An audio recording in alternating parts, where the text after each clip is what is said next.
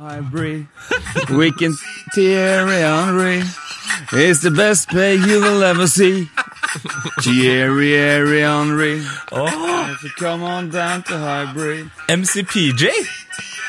Sånn. Skal vi bare komme litt i stemning her? He used to play for Juve down in Italy. Called the old lady. Hybrid.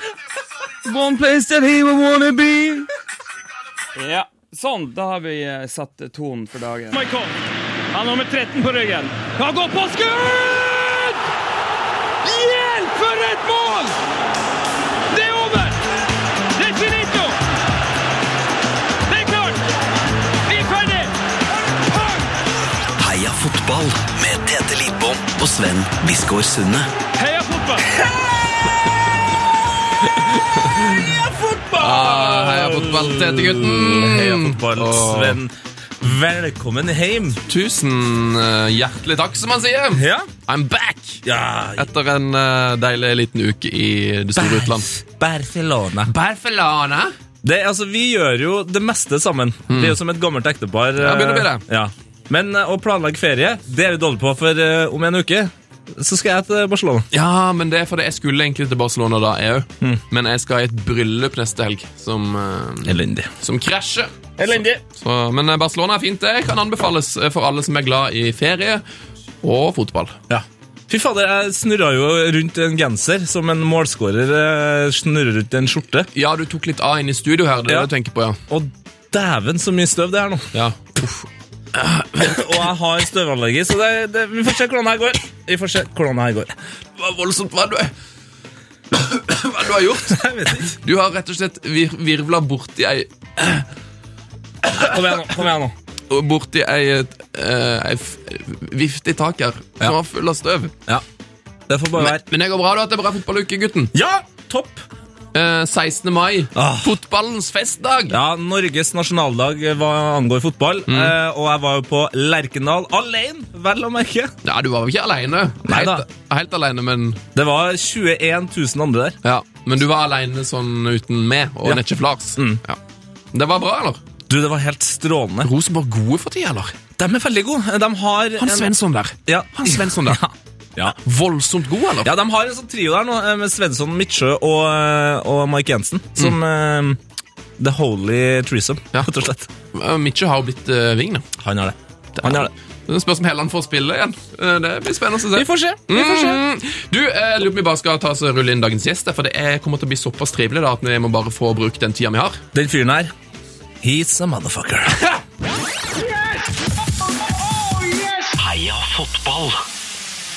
Ukas gjest heter gutten. He's a motherfucker, som du sa. Mm. Ja. Synes det er litt flaut å si det, men eh, jeg kan i hvert fall si at ukas gjest er en, eh, rett og slett en stemme kjent for alle som har lyttet til Heia Fotball noensinne. Ja. Han er vel rett og slett den eneste som har bidratt til samtlige Heia Fotballsendinger i historien, og ikke nok med det, han har en lang og flott fotballkarriere i Norge, Australia, Sverige, Italia og England. Han har kommentert over 700 fotballkamper, tror jeg. Ehm, og ikke nok med det, han er Heia Fotballs gudfar, aktuell i ehm, ny jobb, og ny krona, bursdagsbarn, Per Jarle Heggelund. Velkommen til oss. Hei, gutta. Hallo. Hei. Hallo, hallo. Og Hei. gratulerer med dagen som var på selveste 17. mai, altså. 40 år på 17. mai. Det var Stikke. været, altså. Hvordan er det å ha bursdag på 17? Er det, er det ekstra bra, eller er det litt sånn at du kommer i skyggen av, av 17. mai-feiringa? Nei, Når du blir voksen, så er det ok, men det var jo en smell for meg da jeg var liten og Ja. innså at togene og det her var ikke for meg. Så får man en liten knekk. Ja. Men eh, nei, det har vært en fantastisk eh, Eller det var en fantastisk feiring, og storfeiringa kommer jo nå til helga når vi får besøk av over 50 nordmenn i Stockholms skjærgård, og da skal vi eh, ha det veldig bra. Å, fy fader. Du er faktisk eh, akkurat ti år eldre enn meg. Det Har du òg bursdag på 17. mai? Nei, men altså, det får være grenser for hvor eh, nøye man skal være. Men jeg ble jo 30 år, og han ble 40. Mm, Ja. Fint. Wow, for en tilfeldighet. Shit. Hva var det fineste du fikk til bursdagen da, Per? Eh, en havskajakk av kona mi. Åh! Det vil jeg òg. Så du er, er du en padler, eller? Ja, det er absolutt. Det er min sport nummer to. Er det Ja, det. Er Det er så gøy. Men Stockholm, åssen hvordan er det å Jeg, jeg ser ikke for meg sånn stor padleby. Det går litt sånn ei driftig elv gjennom sentrum der.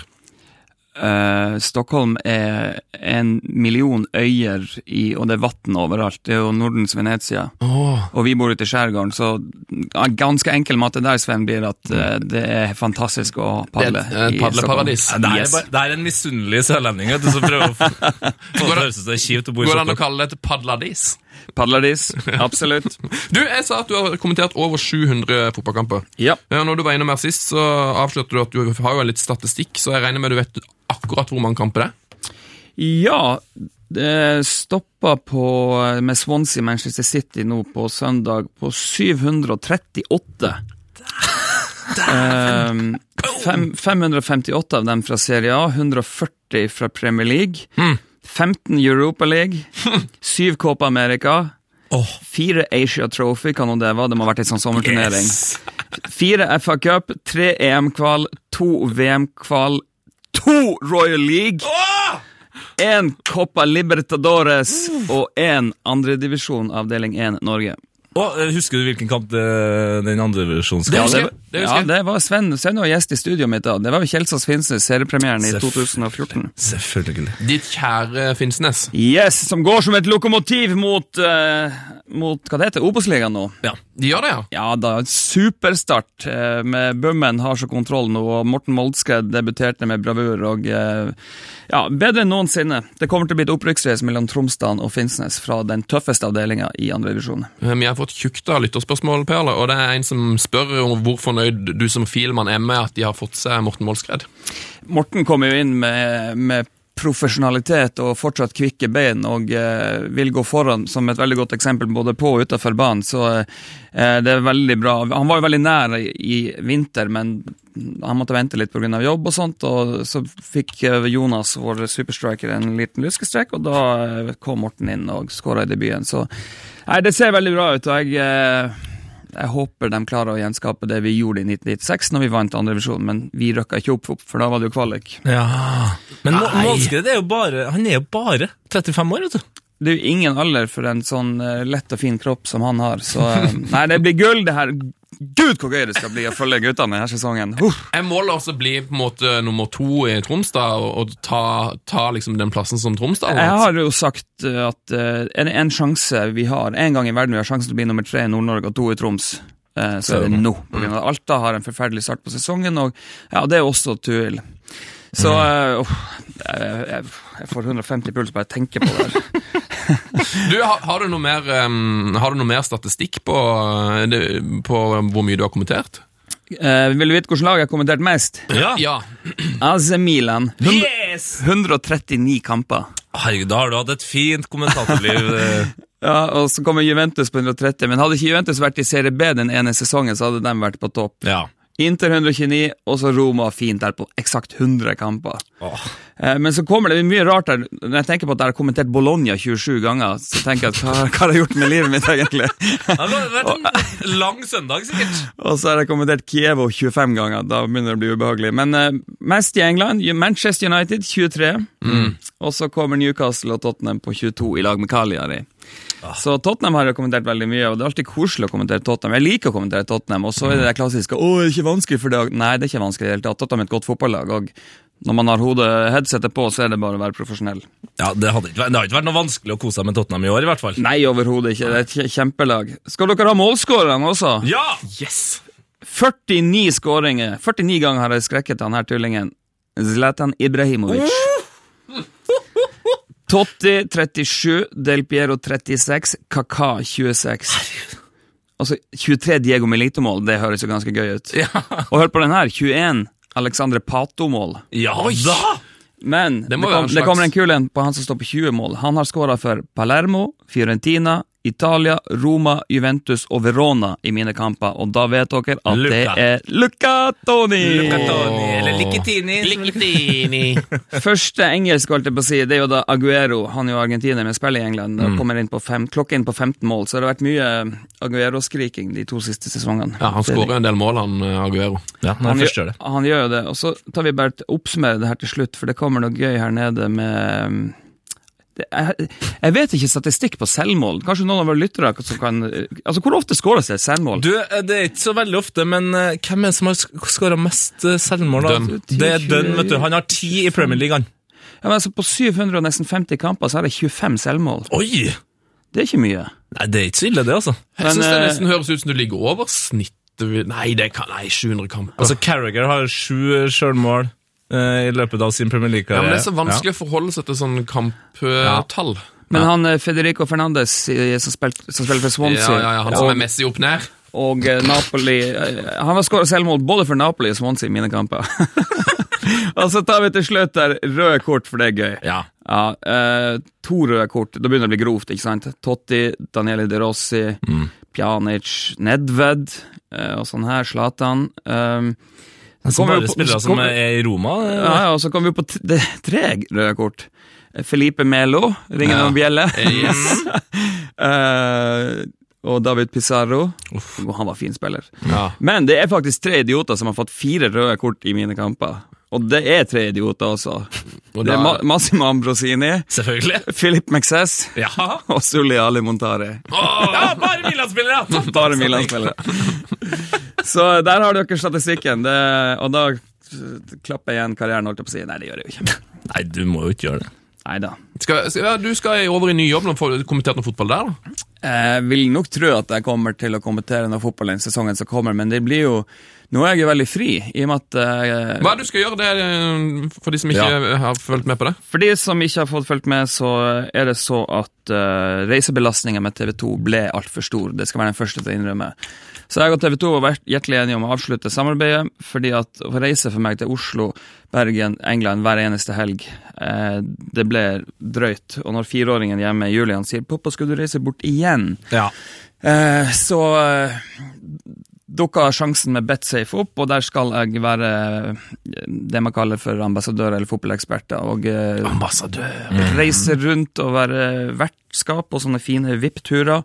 Drifte litt losje på Etiad, for Betsafe sponser Manchester City. Eh, Drifte losje på Etihad, det høres, det høres ut som en jobb jeg kunne jeg tenkt tror meg. jeg har i kontrakten at, eh, at når eh, City får besøk av Arsenal, så skal vi ha opplegg. Men jeg eh, bare så det det ja, for nå trodde jeg at du skulle si at du, du hadde i kontrakten at du kunne ta med deg to glade venner fra Trondheim. Ja, det står det, men de får ikke hete Sven eller Tete. Men, eh, Og så skal jeg spille pokerturneringer verden over. Og er du en pokerspiller? Ja. Eh, Som en del av Team Betsafe, da. Så, og kanskje kjøre Gumball 2017. Og, men okay. men eh, det skal handle om fotball, eh, og jeg skal bringe fotball til bordet. Og så skal jeg ta vare på familien min. Jeg har tre små gutter hjemme, hjemme og den tida vi har nå, den får vi aldri igjen. Så eh, det ble veldig enkelt valg, det her nå. Eh, men som sagt, eh, det kan jo være at det dukker opp som en slags hjemmesittende reserve, om det er noen som er sjuk i noen kanaler, behøver de en kommentator som har erfaring, så man, vet, man, man vet jo aldri. Nei, altså, øh, om, øh, om, la oss si om 15 år, da, så er minstegutten øh, Hvor gammel er han da? Sånn, øh, minste han er jo ett år nå, så da er han 16. ja, da er det helt, da er det helt prima at far begynner å reise rundt på kamper igjen. Ja, da flytter vi til kysten av Toskana, og så oppretter vi et studio der nede, og så Ja. Og så lukter det jo litt, hvis det blir opprykks, noe opprykksfinale på Finnsnes mm. Vesten her. Det lukter vel at du mm, må Drifte bare en sende- losje oppi der, en De gjør jo veldig bra jobb der oppe. De, alle kampene sendes jo i bra kvalitet og med gode kommentatorer, så jeg skal holde meg langt unna det der. Jeg skal bare sitte hjemme og nyte og se kampene, ja. og være på stadion selvfølgelig, etter hvert som eh, vi nærmer oss opprykket. Ehm, vi kan ta et spørsmål fra Christian Fredriksen, som har spurt oss på Twitter. Um, som var, han spør, er kanskje litt vanskelig spørsmål i og med at du har 738 kamper, men hva er den beste kampen du har kommentert? Åh, det er faktisk enkelt. Oh, Oi, Eh, det, det var en kamp hvor, hvor eh, Altså, om du kan tenke deg at alt kunne skje, eh, og hvor samtlige spillere på, eh, på banen hadde ca. 70 landskamper i, eh, for sine landslag. Alle var på topp av sin karriere. Alle var eh, helt unike. Det var 28. oktober 2006. Juventus er involvert her. Eller? 28. oktober 2006. Mil, Milan Inter 3-4 Fy fader. i den sykeste, råeste kampen jeg noensinne har sett. Eh, Og målskårerne i den kampen var Sedorf, Gilardino, Kaka, Crespo, Stankovic, Ibrahimovic og Materazzi. Kødder med. Altså, og den, det var så end-to-end stuff, det var så høyt tempo, eh, det var så klasse, det var så kvalitet, eh, det var så dramatisk, det var så 80 000, det var så lyd, det var så eh, by far den råeste kampen jeg har sett og kommentert noensinne. Så det, var, det var, høres ut som på en måte det var der italiensk fotball pika òg. For Ja, Ja. det var VM-sesongen, det der. Ja, det var VM-sesongen. Så da, Så da, der. da har du jo hele gjengen på, på topp av de eh, italienske, pluss at ja, Milan eh, var midt, i, midt imellom to Champions League-finaler, og Inter skulle komme som et lokomotiv der. Så det, det, nei, det var helt vanvittig. Det, en artig historie som jeg kan ta med, som burde ha vært det råeste jeg har sett, men som ble den verste opplevelsen jeg har hatt med en mikrofon på hodet, det var jo denne sesongen i Norwich, på Carrow Road. Ja. Hvor eh, masse barnehagebasselusker er nedsylta i eh, sykdom og lander på Heathrow på fredag med nesten 40 i feber og ødelagt hals og diverse. Men så blir vi enige med Bergen da at eh, vi satser på en lugn og avslappa kamp, eh, og så kan vi spare kreftene til den store kampen på søndag, som da var Arsenal-Chelsea, som jeg skulle kommentere. Føler meg ok, søv godt natta, og eh, ja, men jeg er jo sjuk. Jeg har jo nesten 40 i feber, jeg går til stadion. Men det er jo liksom stemmeprakten man, man jobber med, da. Og så, så kommer førsteskåringa, første skåringa, og så skal man trykke til, ikke sant? Og så, og så finnes det ingenting. Det er ikke noe. Jeg har ingen sprekk som en sånn eh, pizza delivery boy i, i Simpsons. Altså, det finnes ikke noe kraft. Og så kom det åtte skåringer til. Ja. Og det endte altså 4-5 i, i et sånn kokos av en fotballkamp. Men eh, etter hvert som målet rant inn, jeg ville bare gråte. For at eh, jeg hørte, Og det var jo Twitter-storm, og alle bare Hvorfor har han Hvorfor hater han og, sin- jobben sin, og hvorfor har han ingen engasjement? Og Børsli berga meg jo litt når med å liksom fortelle Nei, det, var, det skulle vært det kuleste jeg har gjort, men det var helt forferdelig. Uff, det Eh, jeg begynner å nærme meg kanskje at vi kan smile av det, men eh, Nei, jeg driter i det. Det var gøy. Du hørtes veldig prega ut der, men eh, Ja, nei, det var, det var surt og kjipt, altså. Det var det. Eh, det var, og da endte det opp med at eh, jeg, jeg var jo så sjuk, jeg kunne ikke kommentere Arsenal-Chelsea dagen etterpå heller. Men da satt jeg i presserommet, og da fikk jeg håndhelse på en av mine topp tre favorittspillere i mitt liv, når Mikael Laudrup kom inn i presserommet. Nei, ja, ja, ja. Så nå har jeg bucketlist. Check. Hilst på Mikael Laudrup. Fy fader. Eh, la oss snakke litt engelsk fotball. Det er jo det du har drevet mest med de siste to årene. Eh, hvordan, hvordan har sesongen vært? Det, det er mange som sier at det har vært den kuleste sesongen noensinne. Er det, er, har du på en måte det inntrykket du òg? Ja, uh, selvfølgelig. Det var det, Hva som skjedde, egentlig? Er det noen som vet? Nei, det Det er så rart at uh, Leicester vant at jeg tror nesten vi aldri kommer til å begripe det. Ingen av oss. Ikke dem spillerne sjøl heller. Eh, men det har jo liksom vært nummer én. Men det har jo forsvunnet litt eh, det som vi underveis i sesongen også sa. Oi, hvor sjuk sesong det er. Det er jo at hvor mange ganger en favoritt tapte en kamp. Hvis du legger sammen antall tap Arsenal, City, Manchester United, Liverpool, Chelsea og de her lagene har, det er jo da det begynner å bli ordentlig koko. Eh, for for det var jo virkelig ei stund hvor, hvor, eh, hvor favorittene bare ramla på trynet én etter én.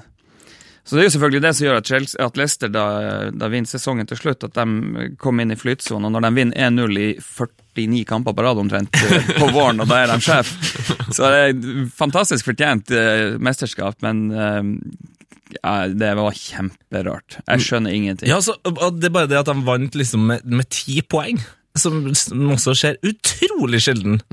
altså, slipper ikke inn mål, og bare Claudio Ranieri smiler og koser seg. Og Danny Simpson har vunnet Premier League! Hva i alle dager? Og Robert Hoot, som for et år siden var utestengt fordi han kjørte den der eh, Ja, dere vet. Han kjørte. Han kjørte en greie på Twitter som, ikke, som har i hvert fall 18 års aldersgrense, og ble utestengt pga. det. Nå har han liksom vunnet Premier League. Det er så rart. Christian Fuchs! Ja. Hvorfor, skal han vinne Premier League? Vasilevskij ja, Vasilevski og West Morgan er kaptein på det her og skårer vel i siste kampen. Og det er Og bare- Danny Drinkwater, liksom ene drømmemålet etter det andre, og inn i, inn i liksom landslagsvarmen. og jeg, jeg er Jøss. Og eh, Tete, eh, den, eh, Vi har en nyhet her som vi skulle egentlig innom etterpå, men vi kan kanskje ta den nå. Det, har, det er Guardian som har lagd en sånn tabell på, mm, basert på hvor mye penger de forskjellige klubbene har brukt. Ja, nei, De har ikke laga tabell på det, men de har lagt inn altså Leicester, da, som ligger på førsteplass, har brukt 28,9 millioner pund. Det er på, jo på transfers. på så. transfers. Eh, øverst eh, sånn pengemessig, ikke overraskende City, med 124. Newcastle på 18.-plass, 80. Ja. 80 mil. Eh, mens Arsenal 15,6 og Tottenham tjent 6,7. Så Arsenal har gått i pluss, nei, Tottenham har gått i pluss. ja. Riktig.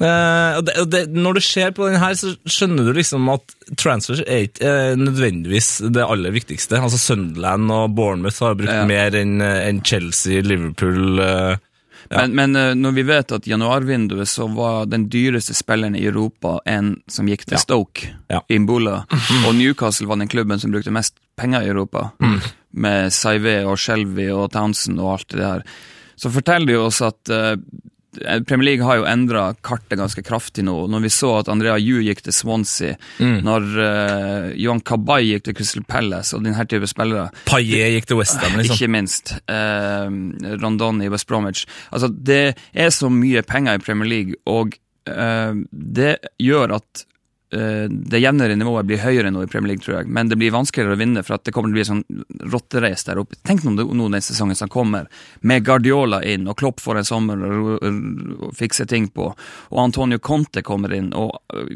kanskje Mourinho, eller hvem det blir i Manchester United. Ja. Altså, det kommer til å bli et sånn rotterace av en annen verden, og det kommer til å bli så masse gode spillere som går til Premier League i sommer, av pengene. Så selvfølgelig, pengene rår, men uh... Men det, det er ett lag som, pga. på grunn av at sesongen har vært så sinnssyk, og at det har vært så mye, bare så mye styr i, mot slutten, så glemmer man eh, Southampton, da, som kommer på sjette. De har brukt 4,8 mil. De, Ja, og- altså Southampton kom seg har altså på sjetteplass. de har hatt svingdør i to somre på rad med hvor de beste spillerne har forlatt klubben. Ja. Allikevel så er de der oppe, og de spiller så bra fotball. Altså Når Dusan Tadic tripper rundt i, og er bare helt Dusan Tadic, da er fotball gøy, altså. Og Sadio Mané, de guttene her, og Shane Long, som bare Shane! Han kan jo bli EM-konge om han fortsetter den formen der. Nei, det kan han ikke, men altså, han, er, han er jo bedre enn noensinne, så det er all ære til eh, Ronald Koeman. Han er så fin, og de har den der på Twitter, det er sånn oppsummering av pressekonferansen, så heter det 'Run in 60 seconds'. og så legger han alltid ut bilder av Ronald Koeman at når han og familien er samla, og så drikker de vin. og Det var jo han som la ut den gangen det er bilder av tomme treningsfeltet, for de hadde solgt alle spillerne. Så Ja, ja. Ronald Koeman, det, er- det er vår mann, altså. Har dere, er han inne i Hall of Fame, eller? Nei, han er ikke det. Ja, det er, Nå har vi lagt et, en god kandidat eh, inn i potta her. Han, er, han, han må inn. Eh, Og han har tross alt avgjort en uh, serievinnercupfinale på Ja. Wembley. og han har skutt altså, noen av de sykeste langskuddene jeg har sett i mitt stå liv. i, tenk å stå i mur på 80-tallet med en litt sånn altfor hard og bløt ball, og så ser du at det er Koman som legger, legger, legger han til skudd. Ja, den er tung. Bare skriv testamentet med en gang. blir tung. Har du, har, du, har du møtt han fyren der, eller? Ronald Koman, nei. Mm. Eh, ja, men ikke intervjue han. Eh, jeg var jo på St. Mary's. Det var jo den, også en kjemperar opplevelse. når Det var så vanvittig uvær forrige sesong Mm. på sørkysten av England mellom eh, Southampton og Liverpool. Eh, og da var det ikke særlig glamorøst å være fotballkommentator. Det skal jeg innrømme. Det var Regn, regn inn under tak, eller? Nei, altså, det var, det var så kaldt som Når England bare Nå skal vi vise hvor kald, kaldt og surt vi virkelig kan være. Eh, Nei, det var ikke glamorøst. Åh. Du må gi oss noen, eh, noen eh, glamorø glamorøse stories, da. Jeg regner med du eh, altså, Fra dere, mixzone, liksom? Eller? dere er vel i mixed zone mer eller mindre eh, hver eneste kamp du er over der? Ja, eh, det Hva, er hva jo som er på en måte din, din jobb der, da? Nei, altså Før kamp så skal jo vi være nede på gresset eh, på indre bane og eh, prate direkte med studio i Bergen. Ikke sant? Og da har vi avtalt med Børsli eller Skau eller hvem som er programleder og eh, guttene i kontrollrommet på forhånd litt hva vi skal prate om, og, og så går vi live, da. Eh, og etter kampen så er det, det nå er det vel ikke så mye nå lenger, men så skal man da finne intervjuobjekter, da. Og så står man jo i kø i lag med andre land, og så gjelder det å krige litt. og... og så kommer jo Arsène Wenger, eksempel. Han har jo en avtale med Canal Pluss Frankrike, og bare dem. Eh, Så hvis man får gjøre intervju med han, så er det et skup, og det fikk jeg forrige sesong. Men han, han kommer inn der, så bryter han og de franske journalistene veldig mønsteret i det engelske. For de kommer inn, og du vet, de kysser på kinnet og sier det, det blir veldig annerledes eh, i forhold til den britiske stemninga.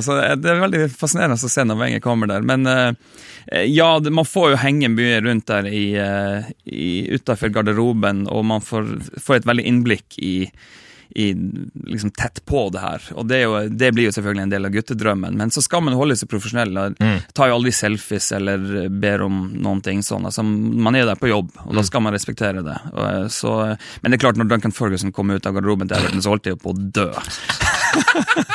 Han er jo også topp tre-lista av favorittspillere, så Eh, man, eh, det har vært en eventyrlig reise. Det har vært fantastisk gøy å, å se alle de stadionene og møte så mye fine folk. Og så det er det jo en stadion som stikker ut. De vinner jo alltid år etter år eh, beste stadion å besøke i England. Ja. Og der er det sånn, ja, For de hadde så mye penger, så tenker folk nei, skeptisk til araberdollars, men så har de altså trent opp hver eneste doorman til å være det mest imøtekommende mennesket du noensinne har sett, og det er Manchester City. Etihad, Å besøke Etihad, wow. Mm. Det, det er kos? Ja, det er du går derfra og bare Wow, det her var en opplevelse. Nå har jeg vært på Her var det fint å være, altså. Femstjerners hotell? ja, ja, altså det Etiad er virkelig bra. Eh, så eh, det skal jo bli gøy å fortsette å jobbe med fotball med, på Etiad til, eh, til høsten. Ja, kanskje du, du får uh, hengt litt ekstra med Guardiola, da? Det vil jeg ikke tro, men jeg tror at jeg, jeg, tror at jeg skal lage noe TV-reklame i lag med Manchester, Manchester City-spillere. Det kommer en slags kampanje. Jeg skal reise til Malta nå på mandag, og så skal vi finne på noe lurt der nede. Så uh, det er noen, noen, ting rart og artig kommer det, i og med at uh, Betsafe har et samarbeid med Manchester City. Så uh, det er jo veldig spennende med Guardiola inn. og det var jo sånn sett bra, no offense Manchester United-fans, at uh, Manchester City skal spille Champions League. For ja, å ønske mm. velkommen til Wisla Krakow på en torsdagskveld, det hadde ikke vært det samme. Det hadde vært litt tungt. Ja, for din del, jeg ser den. Jeg ser ja. den. Du, du, du, sa du dere står jo nede på gressmatta der eh, ja. før kampene. og da, Det har jeg bare merka meg de få gangene jeg har vært og sett Premier League. Når man, når man på en måte ser spillere på nært hold, så ser man på en måte hvor gode de er. Ja. Eh, og er, er, det noen som på en måte har Jeg husker jeg så han Carvalho i Chelsea. Han, ja. han, var, han har så sykt bra teknikk. Er det, er, har du noen sånne observasjoner du har gjort ja, på spillere som er overraska? Det var jo en, en eh, jeg, Det var faktisk en sånn liveseanse jeg hadde eh, når Bonny akkurat hadde yeah! gått han hadde gått fra Swansea til Manchester City. Og da gjør han ting bak ryggen min som kamera fanger opp. Og folk fanga opp. Men jeg så det ikke sjøl, for jeg sto jo med ryggen imot han. Mm. Men han gjør altså ting med en ball som eh, altså, Nå skulle vi ønske at vi kunne vise det klippet, kanskje prøve å lete det frem, men eh, det bare Hæ? Hva gjør han? Ja, han er den liksom, store mann, liksom. Ja, altså, det, det når du får dem så tett, og du ser fysikken deres, hvor raskt de driver og varmer opp, og måtene Og se Jannik Bolassi driver og skal varme opp. ikke sant? Altså det, eh, det er, du får et helt annet syn på det. vet jo dere også når man ser fotball live. Da mm. ser man jo hvor gode spillere egentlig er. Mm. Altså, så det, det, er jo den eh, store fordelen med å være på plass. Så det har vært eh, Gud, gøy det har vært når jeg tenker meg om. Er, er, det noen som er, er det noen du kommer på som er mindre i virkeligheten enn de ser ut på TV, eller motsatt? Noen sånn i utgangspunktet så er det vel sånn at de fleste fotballspillere er større enn hva du tror. Ja. Uh, og når du står på Britannia i spillertunnelen og, som forrige sesong, og uh, Steven Ensonsi, Peter Crouch, Begovic og Shawcross kommer samtidig kommer, Nå er jo ikke jeg så veldig liten, jeg er over 1,80, men når de kommer samtidig uh, Steven Shawcross! Det er Nsonsi, vet du. Et, et, halvt tonn med fotballspillere? Da. et halvt tonn, tolv meter med fotballspillere kommer inn der, og så har de en pondus, og så har de en sånn her naturlig aura. liksom uh, Blåser seg opp. og ja, Og så er det noen som er ganske små. Man blir, altså Stirling og Lalana, de guttene, de er så små. De er, så er Lalana liten? Ja, bitte liten. Bitte liten. Ja. Lalana ser så høy og slank ut på, på TV. Ja, ja han, er, han, er, han, er, veldig liten og veldig sped. Yes, yes. um, har du noe, hvem har det beste håndtrykk i Mikkelsommer? Ja, det er viktig. Mm. Sean Dyche. Sean Dyche. Sean Dyche. Ja, han, eh, Jeg har bra håndtrykk, men uh, han matcher meg, altså. Han, uh, han kleip godt. Noen... Og Mark, og Mark Hughes har bra håndtrykk. Mark også. Hughes har det? Ja, men, men, så er det jo to spillere som jeg har lagt merke til, som har forferdelig håndtrykk. Nei, nei, nei. Altså, så, så, ille at du blir faktisk provosert. Du blir forbanna når du tar dem med hendene. Du, du, vil ikke være svigerfaren deres, liksom? Nei, overhodet ikke. Og det er faktisk Raheem Sterling og Adam Lallana. Du, Begge dem to. jeg, jeg hadde kommet til å tippe Ryan Stirling eh, Ja. ti av ti ganger. Men uh, Stirling, han, det var så vidt han kleip meg på den ytterste tuppen på lang, langfingeren. Sånn, eh, altså, det er Hjelp, altså. Mulig. Jeg ble litt sånn bekymra så når, når Zidane eh, skrev under for Real Madrid, eller når liksom fikk den hovedtrenerjobben, så var det en del håndtrykksbilder, og du ser Jeg er skuffa. Du, ser- du, ja, du kan se det på stillfoto at Zidane ikke har naila det helt. Men, eh, men han trenger kanskje ikke håndtrykk når han har såpass mye annet. Ja, det, det er sant. Men det er jo ganske Man oppdager jo masse sånne ting når man er og møter spillere. Jeg vet jeg, um For eksempel så hadde jeg blitt øh, fått beskjed om at følg med, det er en spiller. Han er så utrolig sympatisk. Han er, han er, han er nummer én sympatisk spiller i Premier League. Ja, jeg tenkte ikke så mer over det, men så skulle jeg intervjue han. Og jeg kan love dere at denne mannen han er på et helt annet nivå enn alle andre. Og han er så sympatisk og snill at du ønsker han alt godt. Du ønsker at han skal lykkes med den driblinga og det skuddet, og det er Juan Mata i Manchester United. Oh, Juan Mata. Ja, det kunne jeg nesten, nesten tippa. Hørt så mye godt om han. han, er, han er så god fyr, altså. Eh, han slås jo bare av en en mann eh, som er det livligste, artigste mennesket jeg har møtt, og det er Colo Toré. altså, da Colo Toré i fjor, nei, ja, før jul, jeg, skulle intervjue, bare, om jeg spurte om han hadde noen eh, ønsker for jul. Det var rett etter at eh, Liverpool-Arsenal rett for jul. Har du noen ønsker for jul? Altså, no, no, you know I'm a Muslim, I don't celebrate Christmas, but you know, uh, you know, I'm a lot of Christian people, and you know, they're my friends, and you know, when people are happy, you know, the world is happy, you know, the world is a happy place, and you know, I like to, to see my friends happy, and you know, and, and happy Christmas to Norway. altså, han var så fin! Han, Colo Touré. Åh, en nydelig fyr. Og han er så fin og god som, som alle man tror at han er. Mer av dette, mer av dette. Mer av Colo. Mer av Colo Touré. Ja, eller, eller mer, av, mer av disse historiene, Per. Eller har du noe flere eh, inside eh, størst, stories? størst, eh, størst hack i Premier League. Størst ha eh, hack, er det Hack er rumpa. Ja. Ræv. Ja, ja, her Den her rumpa, den her rumpa, den her rumpa starta midt oppå ryggen. Eh, Jeg skulle liksom bare ta han på ryggen og du skal stå her når jeg skal intervjue han da. Og det var Wilfred Boni. Ja, altså Den fysikken han har, og du bedre. Eh, men du nevnte Ivanovic. Ja. Nå skal ikke vi være brenne brue her, og sånt, men eh, jeg må nok dessverre sette han på en litt eh, kjip kategori. Ja. Men det er jo Det har noe med på en måte holdninga til, til liksom folk fra litt øst. De kan virke kjipere enn de er. Nei, men det er ikke noe med kjipt, det er bare det at han har en forferdelig ånde. Å nei! Dessverre. Oh. Uh, det, det er ubehagelig. Men han er en fantastisk fotballspiller, bare så jeg har sagt. Dæven, det må være tungt å stå i intervju en, eh, en spiller, og så har han dårlig ånde. Ja, der, Daily Blind, for eksempel, han lukter jordbær, så det går greit. Ja. Ja, Også etter at jeg har spilt kamp, liksom. ja, ja etter at jeg har spilt kamp. Jeg lukter alltid jordbær. Men den som lukter best av alle i Premier League, sånn, liksom, åh, han lukter godt. Emre Can. Emre- oh. Ja, Emre Can, han, han bestluktende i Premier League. Vanilje, eller? Eh, nei, bare godt. Bare, Bare sånn friskt og, og rent og godt. Jeg, jeg, jeg, har fortsatt ikke sett Emre Can svett, for eksempel. Nei, og, og han er han til å spille fotball også. Ja, kanskje, ikke, kanskje ikke noe mot uh, Sevilla, dessverre, men det gikk noe som det gikk. Men eh, du, eh, bare for å rette opp litt av inntrykket rundt Ivanovic, for jeg syns han virker som en fin fyr. Som bortsett fra ånden, er han, er han hyggelig, liksom? Eller? Ja, ja, absolutt. Ja, veldig profesjonell og uh, rak i ryggen og uh, ikke sant. Mm. Man, er ikke, man bærer ikke et kapteinspinn i Chelsea, som han har gjort mye uten å være, være både vinnerskalle og uh, Jeg ville ikke møtt han når han var på topp.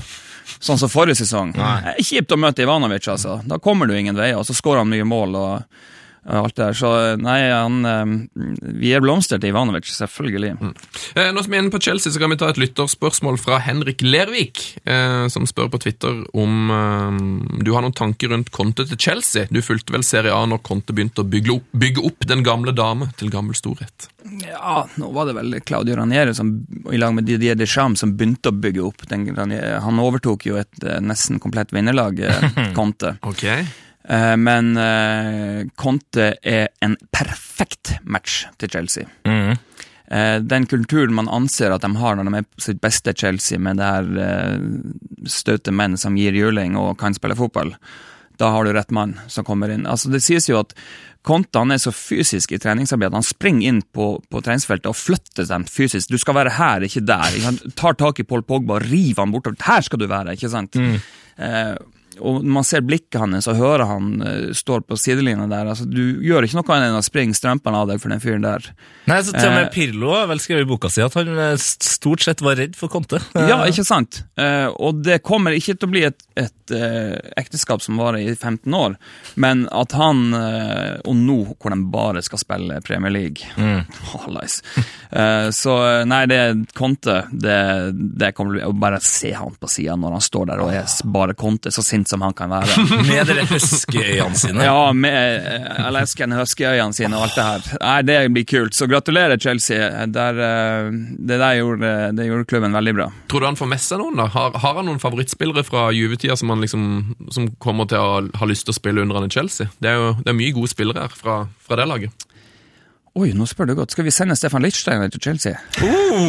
Verdens sureste mann. Ja, Ja, det er han eh, sur, ja. Ja, Det hadde jo gjort seg med noen av de forsvarsguttene. Eh, Bonucci eh, Nei, jeg vet ikke. Jeg tror nok at han eh, Ja.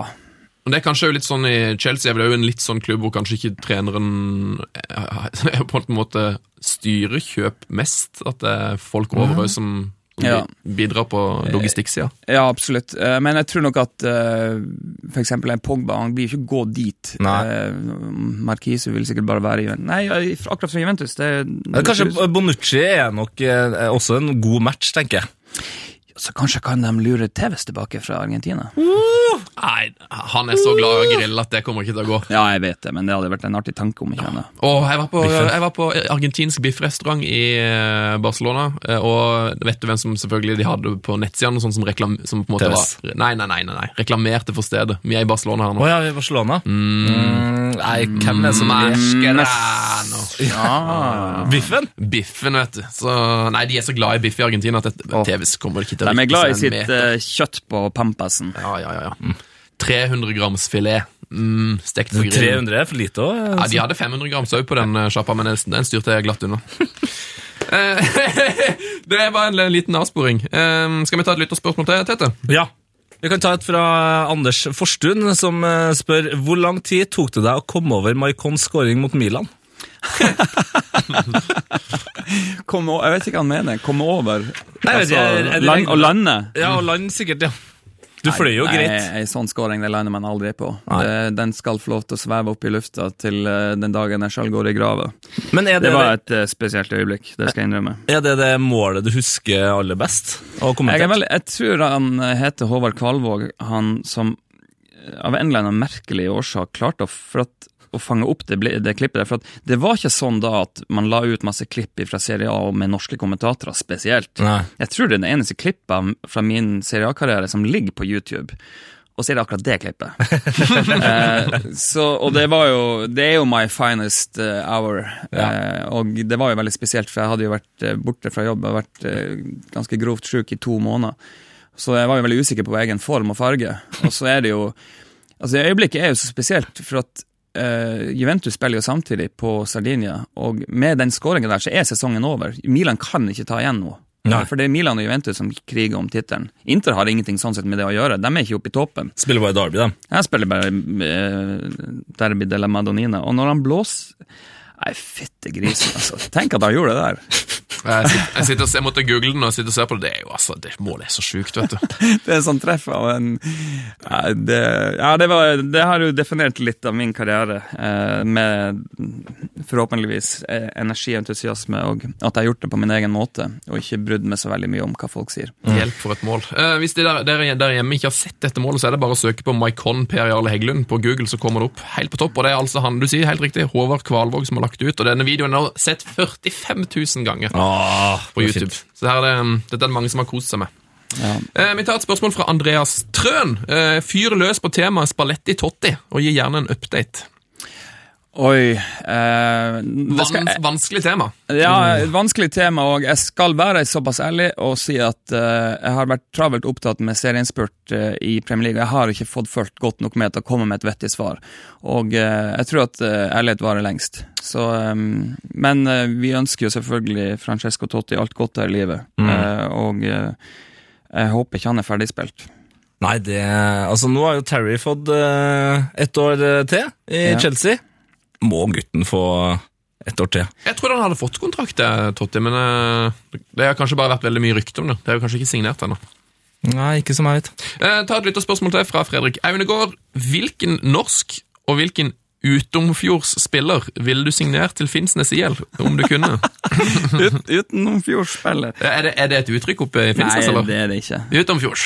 Utenfjords. Ehm, jeg, jeg begynte å kalle klubben for Det grønne kystlokomotivet. Det er faktisk klubben adoptert. Åh. De bruker det sjøl nå i slogans og reklamekampanjer. og Du er jo en slogan-starter, det er det ingen tvil om. Sloganstarter. Eh, så Det grønne kystlokomotivet eh, jeg, har- Nå har jo vi så vanvittig gode spisser, men det hadde vært gøy med Simen Stamse Møller i FIL. Det, det skal jeg ikke se bort ifra. Din gode, gode kollega. Min eh, kjære venn, eh, kollega og uh, gudfar til min yngste sønn. Eh, det hadde vært veldig fint. Men eh, Og Åssen er, er dere så gode venner som har vokst opp i hver deres del av, av Skandinavia? holdt jeg på å si? eh, felles kjærlighet til italiensk og engelsk fotball. Ja. Det er sånn starter et vennskap som eh, ja, har vært eh, helt nydelig. Og så har jo han eh, fulgt i mine fotspor i Kanal Pluss med Serie A og nå Premier League, så det går, eh, det går veldig bra for Simen. Eh, flere spillere til Ja, nei, han har mer spørsmål. Han lurer på hvem du ville at Senja skulle signert. Eh, tydeligvis en mann som er opp, opp, opptatt av fotballen i nord. Ja, det må jo være noen som ikke kan spille fotball, da. Så det er valg, valgfritt. Harald Eia, kanskje. Han kan ikke spille fotball. Jeg vet ikke. Nei, det, det, det- er glimt i øyet litt, men det er også litt alvor i, i rivaliteten. Eh, Det er viktig at ikke den rivaliteten, f.eks. mellom Finnsnes og Senja, at den ikke dør ut. Eh, Det er viktig at det er at at det er brennende engasjement, og det er kamp om sponsorpenger, kamp om publikum og kamp om de gode spillerne. og det gjør jo ingenting at, at vi nå er mye bedre enn dem. Eh, for de gikk jo, var jo noen år hvor eh, vi var nede i sumpa og slet, og de kosa seg. Men eh, nei, det er viktig at det ikke dør ute der. Og jeg kommer til å beholde på en, en flamme eh, mot den klubben der i hele mitt liv. Ja. Eh, Vi har et lytterspørsmål fra Torstein Rien Pettersen. som Hei, Torstein! det, det er på en måte litt det motsatte av alt det vi har snakka om nå, men kan være like spennende. Og det kjedeligste kampen du har kommentert. Og hvorfor? Kjedelig, altså. For det finnes jo noen utrolig tunge fotballkamper vet. Og i hvert fall, Du som har kommentert så mye i Manchester United, har jo der må det ha vært mye å ta tak i i år. I hvert fall, Jeg har sett et par kamper som har vært helt uutholdelige. Oi, Manchester United denne sesongen, ja. Vi hadde jo, vi hadde jo eh, Alexander. Cupkampen mot Sheffield United. Åh, Det var ikke noe særlig. Og så eh, omtrent nesten valgfri West Bromwich-kamp. Ja. Eh, Tony Pulis. Men nei, eh, den kjedeligste kampen jeg har kommentert, er faktisk den første. Aller, aller, aller første. Oh, ja. I eh, 2003-2004-sesongen. Min første kamp. Og jeg har den på VVS, og en dag er jeg dårlig i humør og behøver å le litt, så skal jeg sette på den kampen for å høre hvor jævlig dårlig jeg var som kommentator. Men det er altså Modena Roma. Eh, det skjer ingenting på 90 minutter. Det er ikke et skudd på mål, det er ikke dribling. Det er altså det er et makkverk. Og der sitter unge Heggelund Og og, prøver jeg. å Altså, komme i gang i prøver å komme kommentatoryrket. i gang, og det er sikkert pauser på tre minutter uten at jeg sier noe. Og jeg sitter med eh, 180 puls, jeg er så nervøs og svetter. Og, og plutselig, i det 91. minutt, så er det en eller annen tulling som tenker at nei, jeg skyter fra 30 meter, og ballen går rett i krysset, og det var Francesco Totti. Selvfølgelig. så det var, det var det eneste som skjedde i kampen. Mm. så det er den kjedeligste kampen jeg har kommentert. Åh. Eh, litt personlig spørsmål fra Oliver Breen. Hvordan i alle dager får du hår, skjegg så strøkent? Det er bra spørsmål. Ja, Er det på grunn av Ja da, det er klart at det er pga. Italia. Eh, når du er på jobb i Italia med fotball, eh, så skal du være strøken. Eh, og når du er strøken i eh, både form og farge, holdt jeg på å si, så gir du et inntrykk av at uh, du er pålest, du har gjort din research, og du er klar til kamp. Mm. Man skal ikke stå der som en slask og uh, ja. Så du viser at du trener godt, og at du ikke har fått eh, kula på magen. og så det har alltid fulgt med det der med det italienske, at man skal ta vare på, eh, på kroppen og ta vare på alt. Og, og det gir da et troverdig inntrykk, forhåpentligvis. Det høres kanskje litt rart ut, men det er noe mer der. Ja, men det, når du sier det sånn, italienske trenere er altså stort sett fit eh, fram til de eh, kubber, altså. altså det, jo, det, det har jeg ikke tenkt på for nå. Men Ja. de er, ser strøkne, dem òg. Og du skal se de tidligere spillerne som jobber med diverse TV-kanaler. hvor eh, Boban og de guttene her hvor, Nå er ikke han italiener, da, men han er jo italiensk i snittet. Ja, ja. Altså Hvor godt de tar vare på seg sjøl. Eh, de er forbilder sånn sett. Eh, Bergomi, eks-Interstjerna, når han er i Sky Italia-studio. Å, hjelpe meg, altså. Han, eh, han kødder ikke med, med maten han spiser, og med måten han tar vare på seg sjøl. Eh, Et, et eh, lite Italia-spørsmål til her, både fra meg og Fredrik Bjerkeseth. Hva mener du om Milan per dags dato, og hva syns du om at om Brocchi skal fortsette? Åh, jeg synes det, er så kjipt med Inter og Milan. Det her er flaggskip. De skal være flaggskip ikke bare i Italia, men i Europa. Og det er nedturen, nedgangen som de klubbene har hatt, det Jeg blir ordentlig lei meg av det. Jeg blir, jeg blir forbanna og trist. Det skal ikke være sånn. Men jeg må jo se hva Juventus har gjort med å bygge sin egen stadion. eh, og få matchinntekter og begynne å generere penger og få en identitet. Det er ingenting i verden som slår et fullsatt San Siro. Og ja, det er byråkrati å bygge en ny stadion, men de må ta tak i stadionspørsmålet. Begynn med det. Der er det er nummer én, og så kan vi prate om andre ting, hvem som skal være trener og sånt etterpå. Det er ikke vesentlig. Du må starte med din egen identitet og en ny stadion. Punkt slutt. Det har jo ikke, ikke hjulpet Milan at de har, eh, av de, eh, tre av de fire siste trenerne har vært Insagi, Sedorf og Brocchi.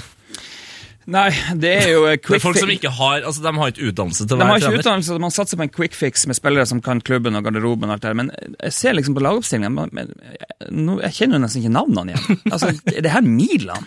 Altså, Milan skal jo være, liksom, det skal være Kafo, og det skal være, altså det skal være den type spillere. Mm.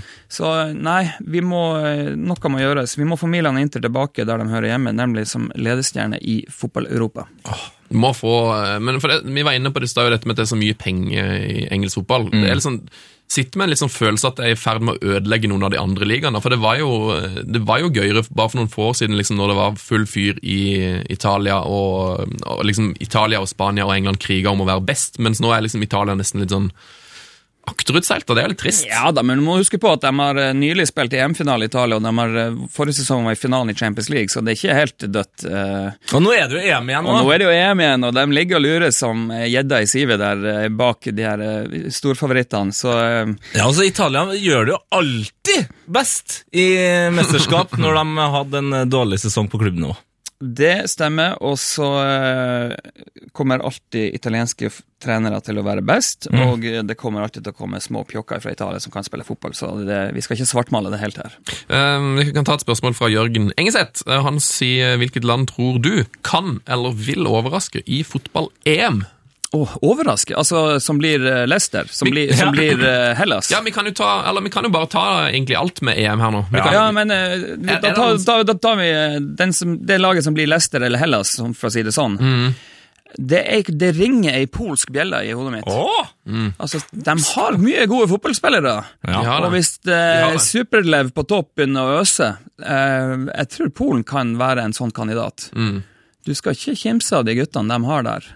Nei, nei jeg, jeg tror på Polen. Jeg liker tanken. For de har jo litt, de har litt uh, mesterskapserfaring òg. De måte De gjorde det jo OK i forrige EM. Eh, liksom vi, Viste noen, uh, noen gnister, da. Absolutt, og så er det spillere på sentrale posisjoner som er i store klubber i Europa. Men jeg tror derimot ikke at land som Romania, Ungarn og Albania kommer til å kjøre en Hellas-variant. Aldri i livet. Men det er kanskje ordet for å spise opp, vi vet jo ikke. Men ja. Ja, Det blir spennende. Eh, Åssen eh, hvordan kommer Island til å gjøre det? Er de, er de gode nok? Island med Lasse Lagerbäck og, og fine Gylfi. Um, De er, jo, de er jo i en gruppe da som lukter eh, altså galskap, den gruppa her. Det er liksom Island, Portugal, Ungarn og Østerrike. Du vet at du vet ikke hvem som går videre fra den gruppa. Overhodet ikke, for Østerrike kan jo også være en liten sånn Hellas-variant. Ja, eh, Med at de kan nå veldig langt. eh, Og så er one man team, holdt jeg på å si. No offense. Portugal. Portugal. Eh, nei, det, det, Og så heier vi jo selvfølgelig på Island. Ja. Altså, Det skal bli kjempegøy å se Island spille fotball-EM. Tenk det, da! Herregud, Vi sikra oss vel billett til en islandskamp denne uka mi, Tette. Det tror jeg jaggu vi gjorde. Vi skal, på, vi skal se Østerrike-Island i eh, Paris. I, Å, Høstir Arnautovic mot Gylfi! Ja, ja, ja. Nei, jeg skal eh, Jeg tror at jeg skal på den kuleste kampen eh, sånn rent objektivt i gruppespillet. Oh. For jeg skal på reprisen av 2004 med Zlatan Buffon. med, hel, med, med helsparket. Ja, ja, ja, ja. Jeg skal på Sverige-Italia, i Toulouse. Dæven. Den kampen Og det blir min der, min første arbeidsoppgave i BetSafe, så det skal bli veldig spennende. Tenk det, da. Sverige-Italia. Ja, ja, hvilken, hvilken kamp i gruppespillet er det? Er det første, andre eller tredje? Oi, det må vel være andre, for det her jeg tror jeg er den 18. 19. Ju, 18. Ja, juni. det er andre, ja. Kamp men- to, viktige kamp to. Ja, men den, den gruppa der, det er jo dødens gruppe. Altså Belgia, Irland, Italia og Sverige. Absolutt. Det er jo, det er jo helt kokos. Ja. Eller det er Belgia, Italia ehm, Sverige er faktisk dårligst der. Irland og Zlatan, kan vi si. Ja, For den grå massen av kjipe spillere som Sverige har nå, gud bedre. Ja, også, om de ikke hadde hatt Nå har jeg bodd i Sverige her i 14 år. Har de ikke hatt Zlatan? Mm. Åh, det er så kjipt, det laget. Ja, da, men er det sånn at svenskene egentlig bare bryr seg om eh, Zlatan? Nei, de bryr seg veldig mye om U21-spillerne som vant eh, EM-gull. Ja. Oskar, Levik og de guttene, og Gudetti og de her, de er jo, det er jo veldig, veldig bra. Mm. Men den generelle massen av eh, Andreas Grankvist og Martin Olsson og de her, åh, Det er litt sånn, Sebastian Larsson er liksom Ja, han har eh, tall nummer sju på ryggen, men ja. ja, det er liksom greit, da. Men hvem Markus Berg. Hvem tror vi vinner igjen, da? Jeg har egentlig bestemt meg for at jeg bare må Det, det er jo helt umulig. Altså, du har uh, Belgia Nei, men du må velge ett land. ja, jeg, har bestemt, jeg har bestemt meg eh, å velge eh, Frankrike. Det har jeg også. Jeg har det fordi at eh, Julian, min midterste sønn, han påstår at hans navn er fransk. Altså oh, ja. Julian, Så derfor har han sagt at pappa Frankrike vinner. Mens Nikolai, sjuåringen, han sier at Russland er inn for at han har russisk navn. Veldig opptatt av eh, hvor de egentlig Ja, absolutt. De samler samler jo Panini og uh, hvert, sitt, hvert sitt hefte, og, og de blir veldig glad når de, når de får Russland- eller Frankrike-spillere. Jeg mener at Frankrike har eh, alt eh, som skal til for å vinne EM, eh, med unntak av eh, forsvar. Eh, Han eh, Sevilla-spissen som ikke engang er med i troppen. ja, jo, jo. Altså, for et lag de har, Frankrike. Det blir jo veldig enkelt å sette dem på topp i og med at uh, de er vertsnasjon og alt det her, men uh, det lukter veldig Frankrike, det gjør det. Og så har de jo eh, De har jo Didier Deschamps, som er uh, vinnermann. Altså, alt, Den stille vinneren. han har vunnet alt. Alltid. Helt silent. Helt vilt. Så Per Jarle sa det jo òg, han var med å bygge opp Juve. Han. Ja. Han, som, han har bare gjort gull både som trener Han, og spiller. Han, han er såpass sjef at eh, der brøt jeg et sånn her at man skal ikke gå bort til bordet og prate med folk. Eh, Jeg, satt på en restaurant eh, etter kamp i Italia, og så satt jeg rygg, rygg mot rygg med Didier Deschamps. Og når han røyste seg og skulle gå, så måtte vi røyse meg, så tok han i hånda, så sa jeg bare 'respect'. Ja, det er fint. Det var, bra. det var alt jeg behøvde å si. Og så smilte han og takka, og så, så gikk han. Går, alle, går alle for Frankrike, da? Nei, jeg går for Italia. Italia. Jeg går for den, eh, den England, store England kan gjøre det bra, tror dere ikke? Ja. Jo, de kan det. De kan faktisk det. Løperekka til England er kul. Det er, bare Eh, vanskelig å si, det er bare vanskelig å si de ordene du akkurat sa. Altså, England kan gjøre det bra uten å ha en pause, og så le etterpå. ja, men eh, han, Joe Hart er en av de beste keeperne som Ja. finnes, og Smalling kan tette igjen der, og gode backer har de nå. og, Mm, ja. Det blir spennende. De har snubla før. Du, du, du må bare, bare liksom tappe inn litt på disse guttene dine, for de er jo på en måte liksom, De de har jo de ærligste svarene på alt innen fotball. Og Ja. hva, hva er det som er de sine favorittspillere? Hvem er det som er de største nå i, i fire- til sjuåringmiljøet?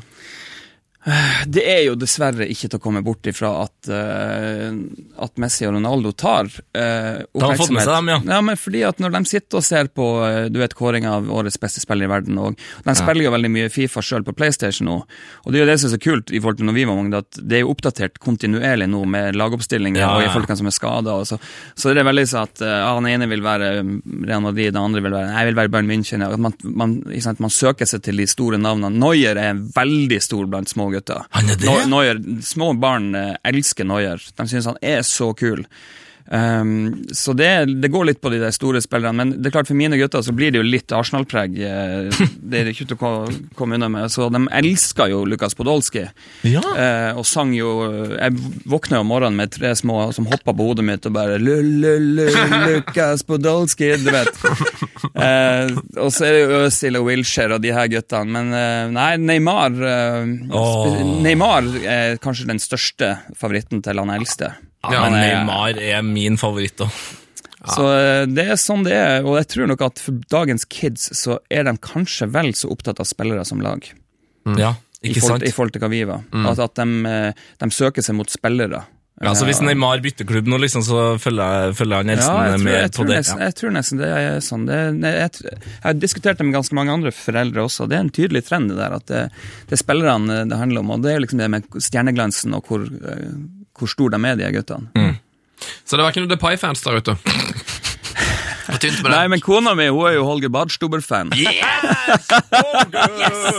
Endelig! Ja, Marie hun blir så trist hver gang hun får høre at han er skada.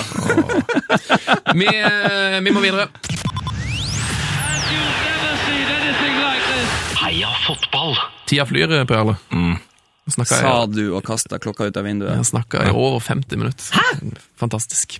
Eh, vi skal til en eh, fast spalte. Eh, kanskje min favorittspalt favorittspalte eh, blitt. Eh, ukas drømmelag, eh, hvor vi utfordrer gjesten til å ta med seg en, ja, en 11-12-13-14-15 spillere eh, opp av lomma, med, gjerne med et, med et tema. Jeg vet ikke om du mm, har forberedt noe til oss, eh, Per Arne? Uh, Gi meg to sekunder, så skal jeg bare rable ned her. Der, og så tar vi han Der, der. ja. Det her er altså da mannen som eh, hadde forberedt seg såpass godt sist gang, eh, når han dro fram Evil XI.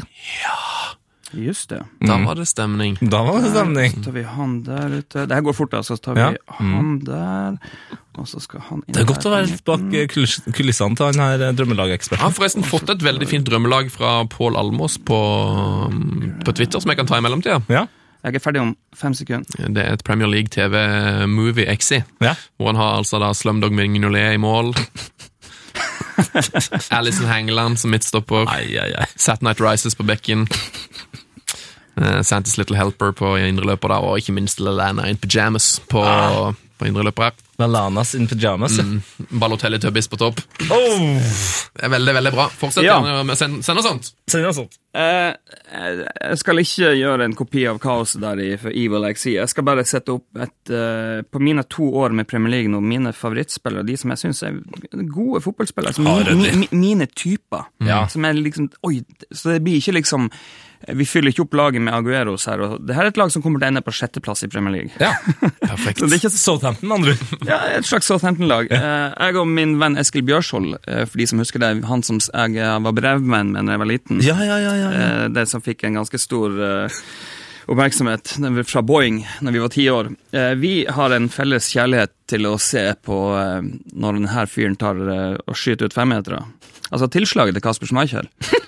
Det er så vilt sjukt rått. Bare se han klaske ballen 70 meter oppover.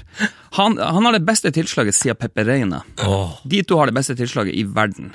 Og de, altså Seriøst, se på Leicester når Schmeichel bare meier ballen av gårde. Aldri Han har, han, øh, og så er det greia at faren kaster jo enda lenger. Da, Ja, men, det er men, eh, sant. Nei, så, og så er han en veldig god keeper, og det er hele historien med han, og det bildet av han og når øh, pappaen vant Premier League, og pappaen som endra Twitter-statusen til 'Dad of a Premier League winner'. Ja, det er nydelig, Åh, altså. det er fint. Så, eh, det? Schmeichel, altså. For en helt han er. så Kasper i mål. Uh, jeg har vært på stadion, så jeg har tenkt på høyrebekken at er du, er du, hvordan kom du deg dit eh, når uh, Ektor Beyerin tar hjemløp? Altså, det er en ting å være rask, men når du liksom begynner å utfordre naturkrefter bare liksom, Hæ? Hvor, hvorfor er han der nå? Ja, og hvorfor ligger håret fortsatt så bra? Ja, ja, ja. Jeg har helt Sanetti i luggen der. Nei, Ektor Beirin eh, kommer til å være verdens beste høyreback i ti år fremover. Så, ah, ja, ja. Eh, så må vi ha en ordentlig engelsk kaptein som ser litt sliten ut eh, av, av gamle Gary Pallister-skolen. eh, som, eh, som stopper og kaptein, og som også er veldig sympatisk og fin, og det er Phil Jagielka. Åh, Og, når og Jagielka har vel gjort det kuleste som jeg eh, har kommentert live i Premier League på stadion. Det var jo den der bomba han hadde mot, uh, på Anfield i derby mot Liverpool. Når han, når han med venstrefoten i krysset Ja. fra 25 meter, det var ingen som skjønte noen ting, og ikke, han skjønte ingenting. Nei, han var den som skjønte minst. Så Jagielka kommer inn i lag med også en spiller som, når du ser dem live, så tenker du å gud, hvor god han er. Når han bryter foran, og han lærer spillet, og han bruker farta, og han springer opp folk bare for at det er gøy å springe opp folk. Lauren Korsielny er, er oh. undervurdert, altså. Han er bedre enn hva de fleste tror. Han har så rar sveis. Han ser ut som han er med i en sånn japansk tegneserie. Og sånn. Ja, og så har han jo hatt en historie med å straff og få utvist, å Ja. bli utvist. Men altså, Korsielny, wow. Eh, venstreback, eh, det er jo ufattelig mange gode venstrebacker i England. Eh, hver eneste klubb har jo en engelsk venstreback som er i landslagsklasse omtrent, men jeg velger med Aaron Cresswell. Eh, han er min type. Han, bare, han gjør jobben. Han er lojal og slår aldri bare, Han er bare kjempegod å spille fotball. Um, 4-4-2, Bolassi på høyrekanten, selvfølgelig. Det, ha- han er en type spiller som Ballen er en del av han. Ja. Forstår, forstår du hva jeg mener? Altså, Ja, så her- Den der Bolassi-finta, for eksempel. ja, altså, alt det han gjør, det er bare sånn Man forstår hvor ufattelig mange hundretusenvis av timer som ligger bak at han er på en fotballbane nå. Eh, Det er så gøy å se på eh, Børslis favoritt, Jannik Bolassi. På venstrekant, tut-tut, toget går, Antony Marcial. Åh, yes! Marshall. Nå, Drit i prisen. Han er, han er verd, verd hver eneste krone. er god. Ah, Han er så god. Tenk deg om han hadde fått lov til å spille på et litt uh, gøyere uh, framadretta lag.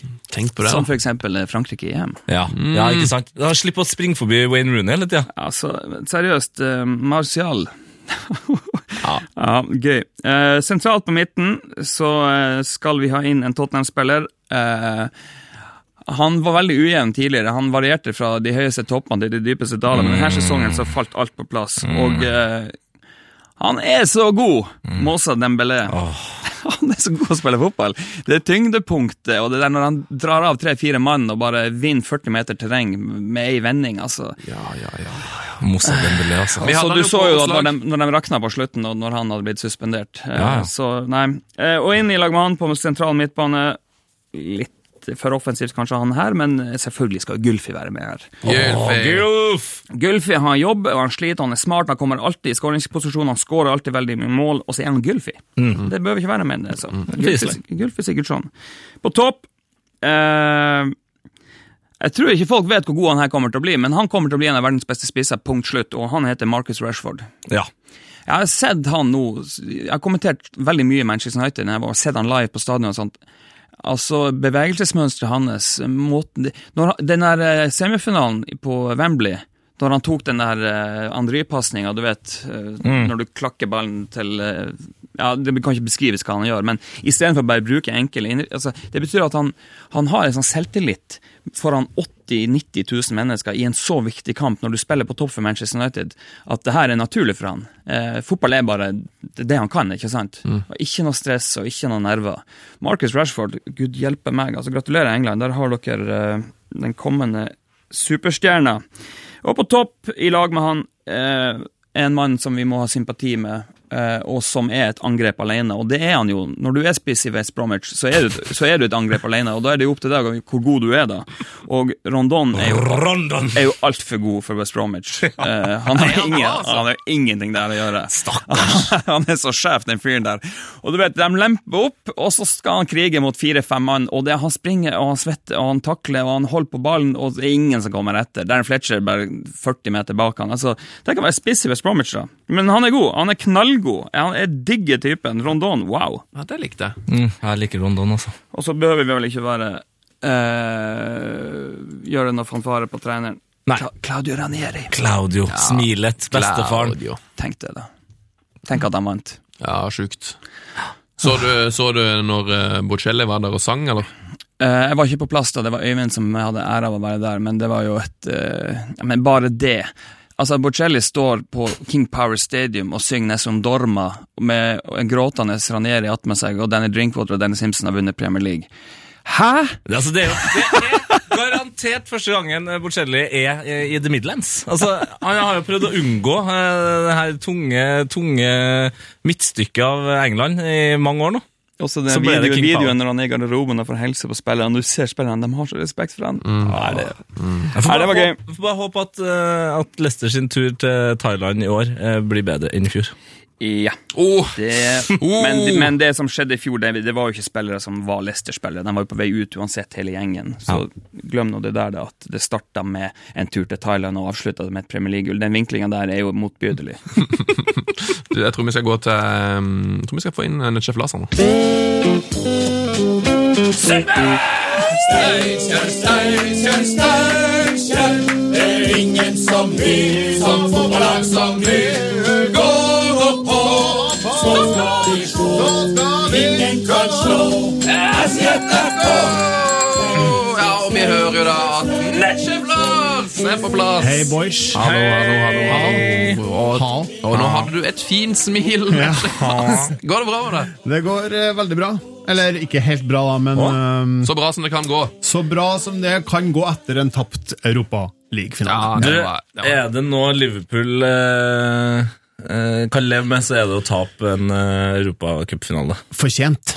Fortjent. Jeg Skal vi ta litt eh, breddefotball, boys? Eh, Kjappe nyheter her. Eh, Kampanjen som Egge IL hadde i Ja, ja, ja! forbindelse med kampen Ja! mot Ta det med ro nå, altså. Sparbu, Dette er det beste som har skjedd i breddefotballen ja, i hele år. lansert en kampanje der det står hashtag 23 på kamp. Så deilig, vet du. Hva er 23 på kamp? Er det eh, Tilskuere. Å ja, fordi det er jo egentlig to lag og en dommer. Da. Det er det, for det var det jeg hadde tenkt før, men det er ikke det, faktisk. 23 på kamp! Det er deilig, vet Det er en bra, bra kampanje, så vil jeg si. Ja. Og de lyktes vel med det, eh, våre gode venner. De gjorde det. Det kom 29. Strålende. Eh, vi har fått et, eh, en, en innsigelse på vår Facebook. Å ja. Veldig bra. P3 Fotball. Det funker bra, det, altså. Det er fra Livar. Hei, Livar!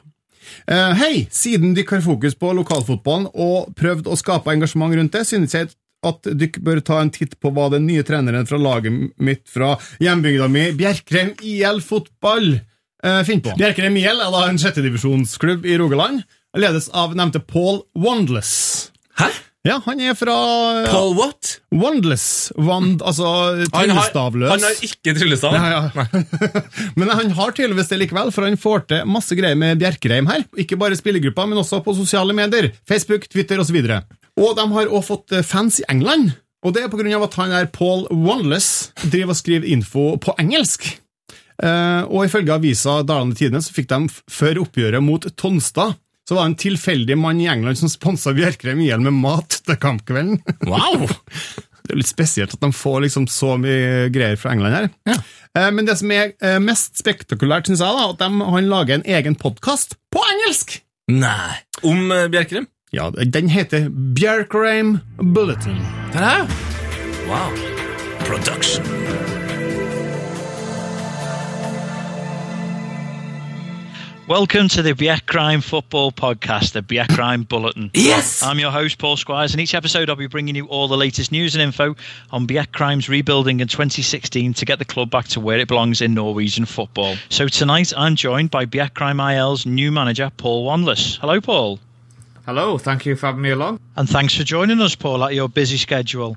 Okay, Paul, you've just played last night against Helleland in the big local derby and come away with a brilliant 1 1 draw. Jeg vil Paul, bare høre på you're deg, pleased with the result?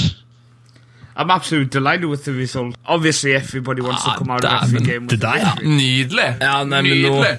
skal vi ta oss, skal vi ta oss eh, ferie, eller? Skal vi bare... Bare, ja, men, jeg, jeg gikk inn i en sånn zen-modus. da. Hør på Han, Bjer han- Bulletin. Ja, men han Paul Medeboan der, han hadde jo en, en fantastisk eh, stemme og autoritet, mens eh, Wandless, utrolig rar eh, dialekt. Ja, det er nordøstdialekten. Ja, Wearside. Ja. Er vakkert. Ja, det var drita bra.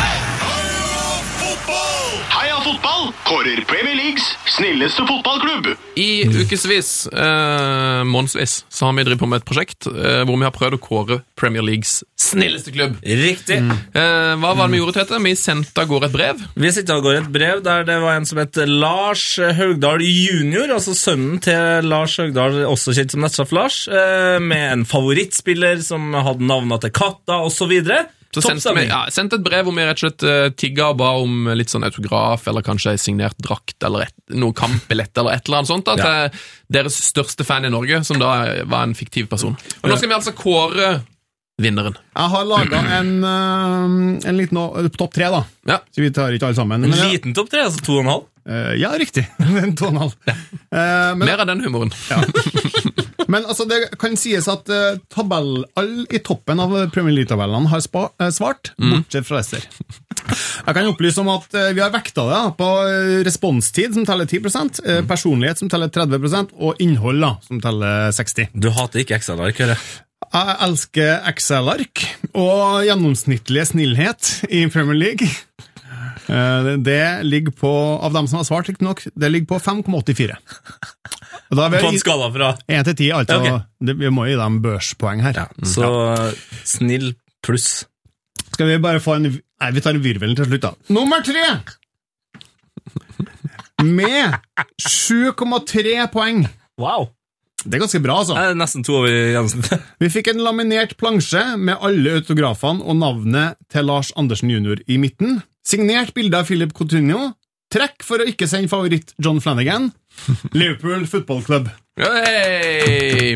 Ja, Liverpool, kjent som en, en bra klubb med fans. Ja, De har lagt ned innsats. De fortjener.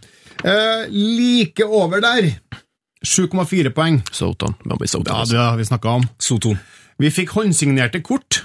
Tre stykker av dem av Pelle, Tadic og Long. Hånderte kort, altså. Ja, Det er ordentlig håndsignert. Eh, og det er da, som dere var inne på, Southampton Football Club. Gratulerer dem igjen med sjetteplassen i Premier League. Dette teller mer, vil jeg si. Ja, tredjeplass eh, Nei, andreplass. ja. Og vinner! Og nå tenker For nå Hvem var det vi fikk kortstokka? Var det Newcastle? Newcastle. Newcastle, ja. Så de havna utenfor. Ja, de kan være de oppi her. Jeg tenker jo at det er de eller Swansea som uh, fighter om der. Skal vi få på en liten, eh, en liten uh, trommevirvel? Ja, du, du som er trommis, kan ikke bare virvle litt mens jeg leser opp. Uh, nummer én. I Premier League, i så Heia Fotballs Premier Leagues snilleste klubbkåring finner vi Det er bra jobba, Tete. Veldig bra. Vi har fått personlig brev. Ferdigsignert plakat. Yo Lars. Signert av favorittspiller og kattenavn Yoya Shelby med gulltusj! Swansea Football Club! Ai, ai, ai, ai, ai. Og det er verdt å merke seg at det var det siste han gjorde som Swansea-spiller, like mm. å før han gikk til Newcastle. Gratulerer til Wow. Swansea. Gratulerer. Skal vi gjøre noe med det? Skal vi gi ham beskjed, eller hvordan skal vi bare Det la jeg? Vi skal lage pressemelding. Det må vi gjøre. Kan, du, kan ikke du gå og sette i gang med det? Skal gjøre. Pressemelding. Eh, Pressemelding? Swansea kåret til Premier Leagues snilleste klubb. Så får vi se om vi får noen fra Swansea på tråden da på sikt. Yes, jeg skal gjøre det med en gang. Strålende! Hei.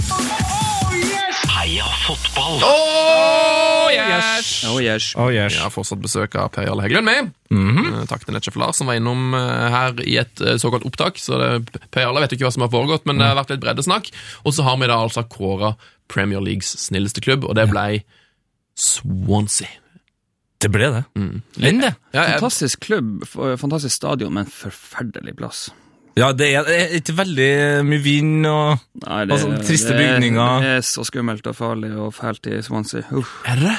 Ja, verste plassen å besøke. Men det er nydelig stadion. Ja. Og så har de gullfilm. Og den snilleste klubb òg nå, da, i beltet. Ja. Ja. Er du, um, var du overraska over at, det, at de er en bra klubb med fansen? Eller var det som forventa? Nei, det skulle jo være som forventa. Ja. Det er veldig koselig der. Men man forstår ikke hva de sier, bare. Nei, selvfølgelig ikke.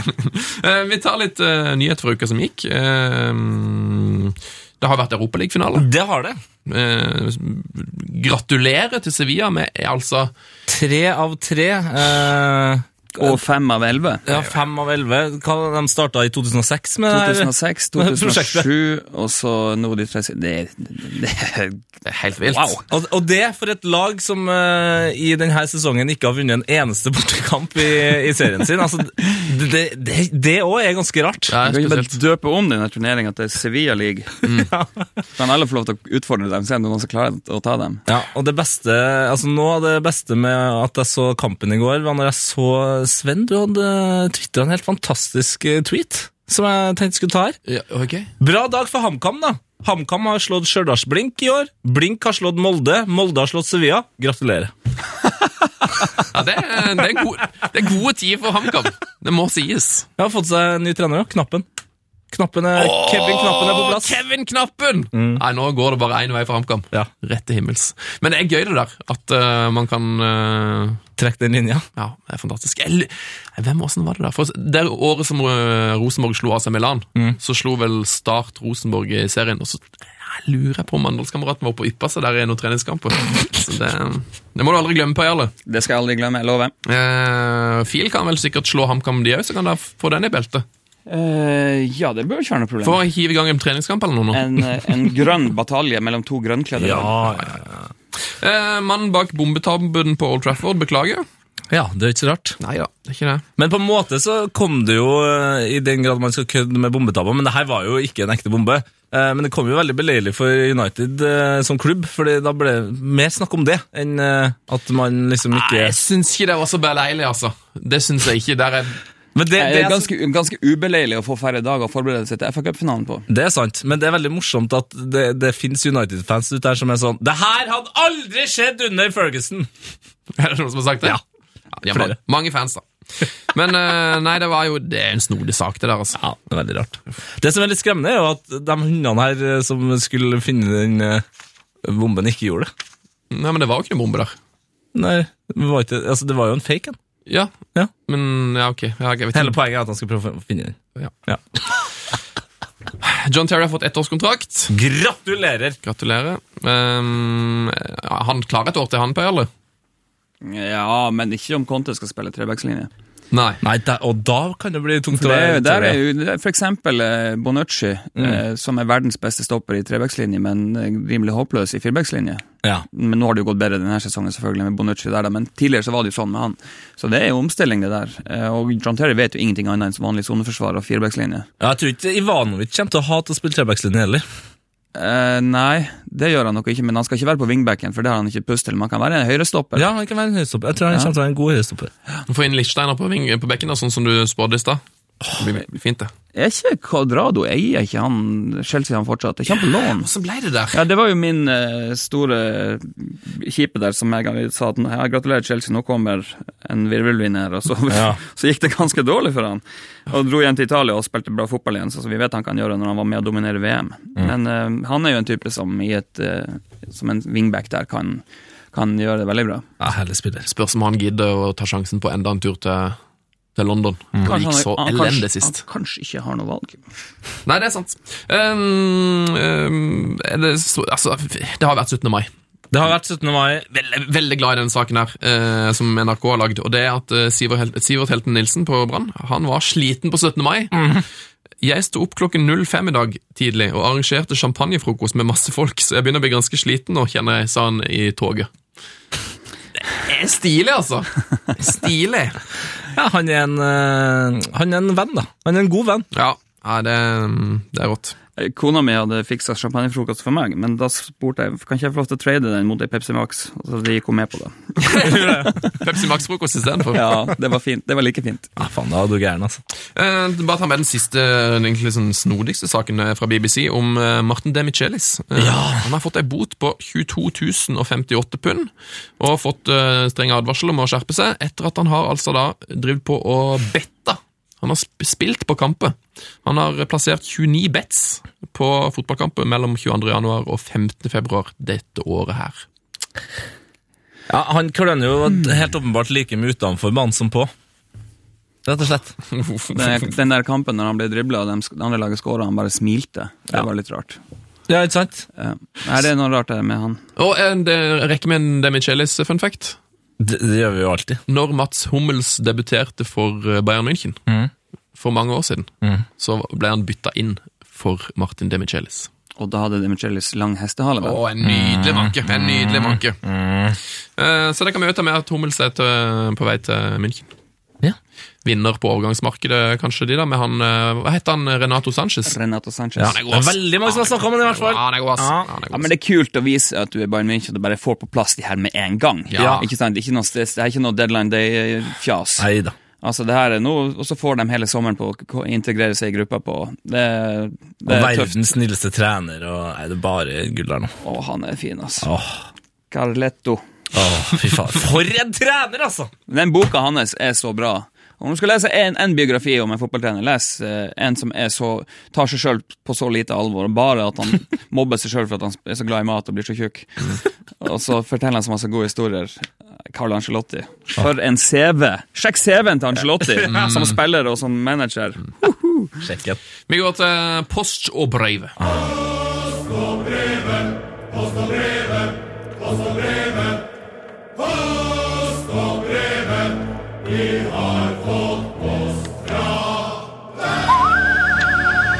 Velkommen til Post og brevet. Er det dere som synger der? Nei da. Det Ah, nei, ok. er eller eh, Lars. eh, Nertjef Lars. Lars. Lars. Det er Svartlamoen Hardkor. Bra eh, der. Som er et veldig artig kor fra, fra Trondheim. Ja, Som var på en eh, Slovenia, De eller? har blitt et meme nå. Ja. Eh, De har blitt en, eh, en viral hit. De har vært på en eh, sånn folkemusikkfestival i Serbia. Serbia var det. Serbia! Og så har de spilt inn en barnesang der, som går som varmt hvetebrød på, um, På YouTube. på YouTube nede på Balkan der. Mm. Så det kan jeg få med der. Jeg har fått en eh, Jeg vet ikke helt hva jeg skal kalle det. En utrolig eh, rar, litt skummel, men også ufattelig fin brev. Mm -hmm. fra Geir Halvor Kleiva. Hei, Geir Halvor. Emnet er som følger. I natt døde Tete Lidbom. Herregud. Ja. Vet at mange syns at drømmer er uinteressant. I alle fall dem man har i søvne. Men i natt drømte jeg altså at Tete Lidbom, Tete Lidbom ble drept i en bilulykke. Heia fotball ble lagt på is, hele P3 var i sorg, ikke minst hele Fotball-Norge var i sorg. Jeg kjente at det gikk hardt inn på meg, noe det sjeldent gjør når kjendiser dør. Drømmen var nemlig så real at det eh, ikke var før jeg hadde stått opp og satt meg ned for å spille Fifa at det slår meg Shit! Tete er ikke død. For å være sikker så søkte jeg opp navnet på nettet. Så Tete og resten av Heia fotballredaksjonen, eh, dere har virkelig fått en plass i hjertet mitt. Herregud. Oh, så, men jeg, altså når jeg lest, Du vet når du er i mailinnboksen, og så Ja, bare så får du den i fjeset. Så, står det 'I natt døde Tete Lidbom'. Hva har jeg gjort nå? Hva har jeg gjort nå? Wow. Nei, han eh, kan eh, sine dramaturgiske grep, han her Geir. Eh, takk for brevet. Jeg har fått et fint brev fra Jon Rippland på Facebooken vår. og altså, Det er bare å bli venner med oss på Facebook, for der koker for tida. Ja, det gjør det. Eh, Jon skriver mener at denne er verdt å høre på. Og Det er altså en uh, fotballsang som uh, i hvert fall vi har blitt veldig glad i allerede her i redaksjonen. Um, Ja, det er bare ta fram deodoranten nå, uh, Per Alle, for nå kommer du til å bli svett. Wigan-fansen har lagd en nydelig sang om toppskåreren deres, Will Grigg som har skåret 25 mål i ligaen One i år. Eh, vi kan bare høre litt, eh, høre litt på den.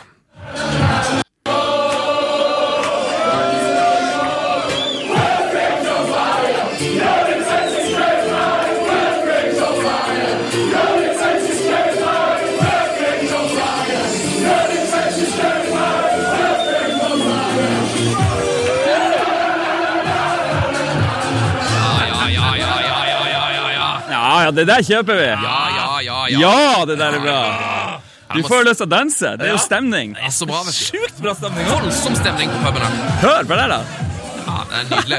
Så Will Grigg har fått, ja, kanskje fått årets uh, beste låt, da. Og den der sangen skal jeg spille for guttene mine. Og de kommer til å ta bunntenning på den. Det lover jeg. Ja, ja, ja. ja. Det skal, det skal danses! Det, altså, det du må, har du sett videoen, på, eller? Nei, den uh, gleder jeg meg til å se. Will Grigg, eh, Hvis du bare søker Will Grigg Song, tror jeg, så kommer det opp et YouTube-klipp. Og det er altså ja, 100 ganske ivrige Wigan-fans inne på en pub. Britisk pub rives ned. God stemning! Ja! Eh, så jeg vet ikke om vi rekker så mange mer brev. Har du noen som må med, Tete? Jeg har bare en utrolig kjapp og kjip en. Eh, Nei, en! Ja, fra Thomas Østgulen. Eh, hvordan ville dere likt å spilt mot disse draktene? Og da snakker jeg om da CD Palencia sine Ah. ufattelig stygge De er jo drakter. kule, da! Nei. Har du sett de her eh, draktene, P? Eller? Er det de der eh, med body tissue eh, Ja, The yes. Flesh. The Flesh. Yes. Nei, jeg kan, jeg kan spare min begeistring for denne drakten der. Ja. To, Sven derimot. to imot og én for. Du, du syns den draktene var gøy, du? Jeg likte det. Ja, ikke søk på dem. Hæ? Ikke søk på dem på nettet. Søk på det. Hva heter de? Palencia? Palencia. se det. P3s Heia fotball. Heia fotball. Med Tete Lidbom og Sven Biskår Sunde. Og Per Jarle Heggelund. Hva sa du nå? Og Per Jarle Heggelund. Hei, Per Jarle. Hei. Hei. Tar vi det helt ned her. Ja. Har du det bra, Per Jarle? Um, jeg gruer meg litt, for jeg skal løpe en mil nå når jeg er ferdig med det her. Skal du det? Så jeg sitter tenker allerede på det, at det kommer ikke til å bli så veldig gøy fra seks til åtte kilometer. Oh, nei. Den er tung. Eh, har du noe med, hører på musikk når du springer så langt? Absolutt. Det går mye på uh, Må få finne rette løpssteget, så da går det på eurodance fra 90-tallet. Ja. Ja. ja, altså for å finne steget, altså. Eh, Will Grieg-sangen går jo rett inn her, da, med andre ord. Jeg, vet jo at du er glad i eh, en god dose hardrock. Jeg vil- anbefale at eh, man legger inn en eller annen Hatebreed-låt mot slutten, for de har så utrolig sånn pick you up-tekster. Jeg trodde du skulle si eh, Kvelertak også. da. Du, ja, men Det er jo mer en selvfølge. Det er bare å få på det nye albumet Nattesverd. Sven hører på det 24-7, kan jeg melde. Ja, det går eh, som eh, varmt hvetebrød. Ja. Eh, har du noen flere løpemusikktips på eller før vi går til Glory Hallen? Satyricon og Dimmy Borger. Ja, ja, ja. ja. Morning Palace. Boom. Mm, ok, ok. ok, ok. Da, da, da Er vi klare, eller? Å, for Glory? Ja. Ja. Tete, din idiot!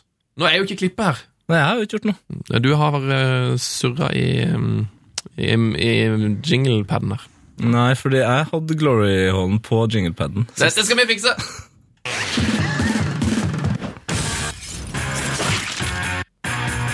Heia fotballs glory hall. Oh yes! Det er altså det fineste stedet i hele universet. Det er det, vet du. Hva er, det, hva er Heia Fotballs Glory? Det er en stjerne eh, helt eh, langt der oppe. eh, Ytterst. Ytterst i Milkeveien, eh, tror jeg vi kan si. Der gresset er grønnere enn draktene til fil, rett og slett. Eh, Og der hyller vi altså spillere som både er god, rar, eller bare er rar, eller kanskje kjempedårlig, men på en fin måte. Spillere som Jorge Campos, med sin fine hjemmelaga keeperdrakt. Kafu, Cafu er der. Batistuta er der selvfølgelig også. Tete Lindblom, Han er der òg. mm, Lloyd Lislevann Ja, det er mye fint. Uh, husker du hvem du svarte sist du var på, Jarle? Uh, Maldini. Ja, Kanskje det var Ja, det var det ikke rart. Og han er jo der sammen med Morten Berre. Hvis du skulle hylle noen flere uh, ha- Har du noen andre som du er veldig glad i for tida, Per? For tida? Nei, nå tenkte Jeg bare, du, jeg regner med at alle de fire store fra Italia er der, eh, håper jeg. Totti. Totti, Del Piero, Sanetti og Malini. Ja, det er, Den eneste jeg er litt usikker på her, er om eh, Del Piero forts, uh, om han har rukket å komme seg inn. Uh, og det er Jeg er i tvil om Sanetti er der òg. Sanetti er der, jo! Ja, er han det? Ja, ja, ja. Ja, ja, ja vel, ja Jeg skal sjekke. Det begynner jo å bli Jeg tror vi er over 100 navn nå, så det er liksom litt vanskelig å holde, mm, holde koll på det. Ja, Del Piero er der faktisk ikke. Herre min, det må vi gjøre noe med. Noen fra, noen fra Troms, da, Per Jarle?